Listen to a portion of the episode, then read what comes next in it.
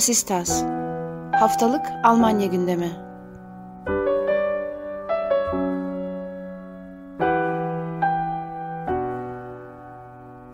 Herkese merhaba. Vasistas'ın 32. bölümüne hoş geldiniz. Ben Akın Art, Ayşegül Ilgın'la birlikte bu hafta sizler için Almanya'nın gündemini değerlendireceğiz. Almanya'da temel gündem geçen hafta SPD'nin hükümeti kurarken verdiği sözlerden biri belki de en önemlisiydi. Bütün seçim çalışmasında da üzerinde durduğu bir maddeydi. Daha önce Hartz IV olarak adlandırılan sosyal yardımın Bürgergeld, vatandaşlık yardımı veya vatandaşlık ödeneği diye çevirebileceğimiz daha kolay alınan ve daha az bürokratik yöntemleri kullanarak alınabilen bir versiyonunu getirmek istiyordu SPD ve bu yeni hükümetin programında da yer alan bir maddeydi. Bu tartışma meclise geldi ancak mecliste uzun süredir görülmediği kadar sert tartışmaların fitilini ateşledi bu gündemin meclise gelmesi. Hem CDU cephesinden ana muhalefet ciddi itirazlar geldi buna. Hem sol parti gibi başka yerden eleştirenler oldu bu önerisini hükümetin. Neler oldu, neler bitti, neler tartışıldı mecliste diye ben sözü şimdi Ayşegül'e bırakacağım. Söz sende Ayşegül. Merhaba Akın, teşekkür ederim. E, Almanya'da bir süredir işsizlik parası olarak bildiğimiz e, Hartz IV, sosyal yardım yerine getirilmek istenen yeni bir düzenleme var. Bürgergeld yani vatandaşlık ödeneği deniyor. E, bu konuşuluyor bu gündemde çünkü hükümet partilerinin ve muhalefetin uzlaşamadığı bir düzenleme bu. Geçen hafta federal parlamentodan geçti ancak bugün eyalet temsilcileri meclisinde e, Hristiyan Birlik Partileri CDU, CSU'nun oylarıyla reddedildi. Şu aşamada hükümet ile muhalefetin bir uzlaşma bulması öngörülüyor. Görüşmelerin devam etmesi öngörülüyor. Ama şu haliyle geçmeyecek gibi duruyor. Bu Hartz-IV denen işsizlerin e, yardım aylık yardım aldığı sistem bundan 20 yıl önce SPD'li Başbakan Gerhard Schröder tarafından hayata geçirildi. E, ve bu e, komisyona başkanlık eden isim Peter Hartz'ın ismini alan bir sosyal yardım. Seçmenlerin bu uygulama yüzünden SPD'den uzaklaştığına dair yorumlar mevcut. E, çünkü işsizleri baskı altına alan bir sistem olduğu söyleniyor. E, peki bu düzenleme ne getiriyordu ve şu an e, ne yeni, ne, neden tartışmalara neden oluyor? Önce şeyden bahsedeyim. Nasıl bir maddi olarak nasıl bir yenilik getiriyor? Normalde aylık 449 euro olan miktarın 502 euroya çıkarılması planlanıyor. E, işsizlik kurumu namı değer Job Center'ın e, önerdiği iş imkanlarına onay verilmediği durumda ya da e, bazı randevulara gidilmediği durumda karşılaşılabilecek yaptırımlar ya da kesintilerin esnetilmesi planlanıyor. Eğitim olanaklarına yani işsiz olan insanların e, bulabilecekleri, alabilecekleri eğitim imkanlarına da e, e, önem verilmesi öngörülüyor. Aynı zamanda bu yardımı alanların daha önce sahip olabilecekleri mülkiyetin ve birikimin sınırları vardı. Yeni düzenlemeyle bu e, vatandaşlık ödeneğiyle bu da esnetiliyor. Ee, örneğin hesabında 60 bin euro olan bir vatandaş yine bu yardımdan aylık e, para yardımından yararlanabiliyor. Aynı zamanda ev e, yardımı da dahil bu yardıma. Bu bu da şöyle aslında değerlendiriliyor. İnsanlar işsiz kaldıklarında ev bulma stresine girmesinler. Sadece kendi eğitimlerine, mesleki eğitimlerine ve iş bulmaya odaklansınlar gibi açıklanıyor. Akın e, birazdan e, neden partilerin desteklediğini ya da eleştirdiğini anlatacak. Ben şöyle bir şey söyleyeyim e, bu yardımdan etkilenen kişi sayısının ortalama 5 milyon olacağı tahmin ediliyor. Ancak şunu da belirtmekte fayda var. Şu an konuştuğumuz sadece teorideki yani geçirilmek istenen hali. Fakat bugünkü reddedilmeden sonra muhtemelen değişiklikler yapılacak. E, uzlaşma sağlandığı zaman, değişiklikler onaylandığı zaman e, derinlemesine tartışılması gereken konulardan biri. Başka bir programda bunun üzerine yine tartış tartışırız. Ee, ben önce Akın'a e, partilerin neler savunduğunu söylemesi, anlatması açısından mikrofonu vereyim. Tekrar tartışırız. Senin bıraktığın yerden devam etmeye çalışayım. Aslında her şey bekleneceği gibi tek bir istisnası var bunun. Ona geleceğim zaten. Bence gülünç olan, komik olan bu tartışmada o. SPD zaten programın başında da söylemiştim. Seçim kampanyasından itibaren Hartfield'a vaktinde kendi hükümeti tarafından aslında getirilen Hartfield'a bir revizyon yapmak istiyordu. Ve bunun olması gerektiğini savunuyor. Bunu da senin dediğin gibi birkaç madde üzerinden formülize ediyor. Bunların bir kısmı etik bir dizi. Şey örneğin Almanya'nın sosyal bir devlet olması gibi Heil tarafından vurgulanan bir takım başlıklar var.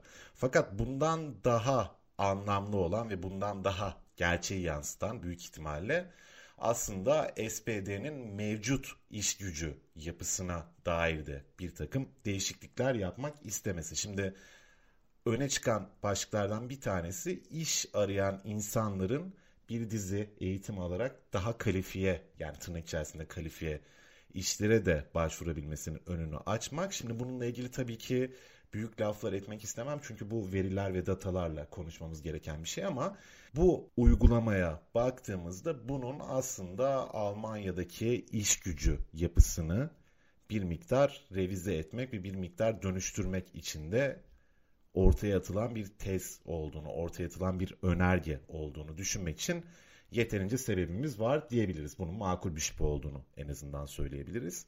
Diğer tarafta Sol Parti elbette bu yaklaşımı yetersiz buluyor. Çünkü aslında yapılan bürokrasinin hafifletilmesi ve bir dizi şartın yardıma başvurmak için ortadan kaldırılmasının dışında enflasyon oranında neredeyse bir fiyat güncellemesi. Yani aslında ciddi bir maddi yükseliş yok, ciddi bir zam yok fakat koşulların kolaylaştırılması ve sürenin uzatılması gibi bir durum söz konusu. Ayşegül'ün belirttiği gibi. Dolayısıyla bunu yetersiz gördüğü için şüpheyle yaklaşıyor ve karşı çıkıyor Sol Parti'de bu duruma. AFD'ye baktığımızda aslında CDU ile benzer bir yaklaşım sergilediğini görüyoruz.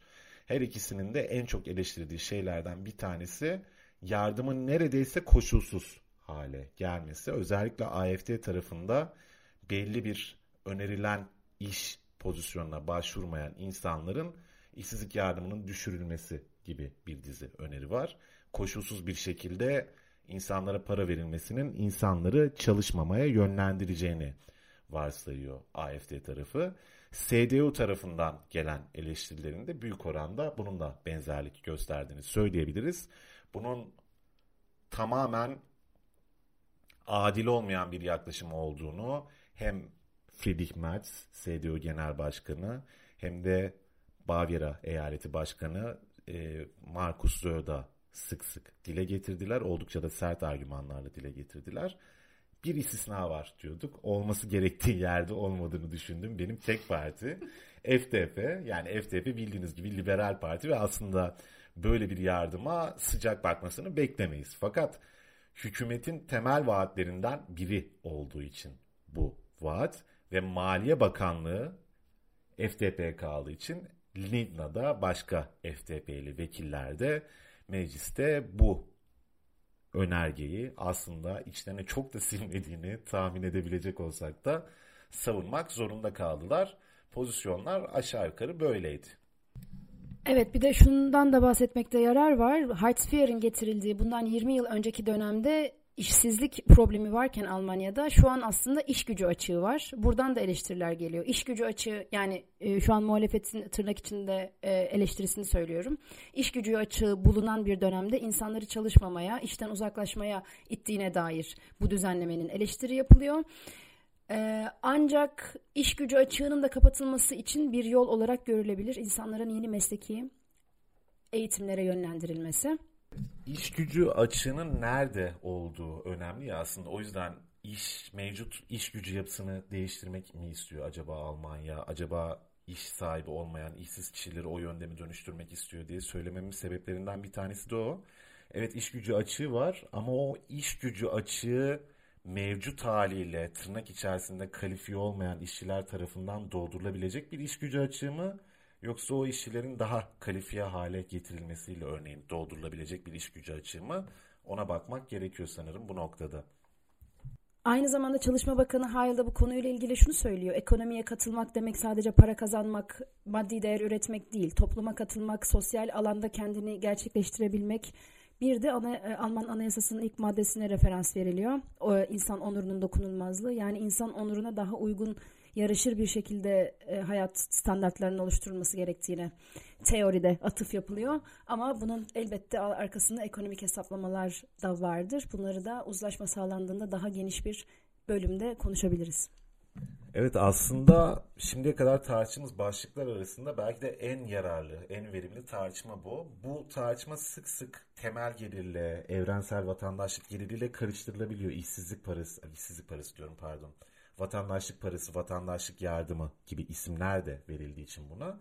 Birincisi bunun böyle bir şey olmadığını, temel gelirden farklı bir şey olduğunu bilmemiz gerekiyor. Fakat şartların çok kolaylaşması ileride temel gelir gibi bir takım tartışmaların da belki önünü açar diye bir takım kesimler tarafından düşünülüyor. O yüzden temel gelir gibi bazı tartışmalara ilkin bir tartışma olarak da bunu okumak mümkün. O anlamda bence önemli. İkincisi ama yani dediğim gibi ben bunun daha etik kaygılardan, daha sosyal devlet olma gayesinden değil, iş gücü yapısının dönüşümüyle alakalı olduğunu düşünüyorum. Bu bize keyifli bir ekonomi politik tartışma da aslında vaat ediyor. Fakat şu an bunu tartışabilecek kadar verimiz olmadığı için detayına girmiyoruz.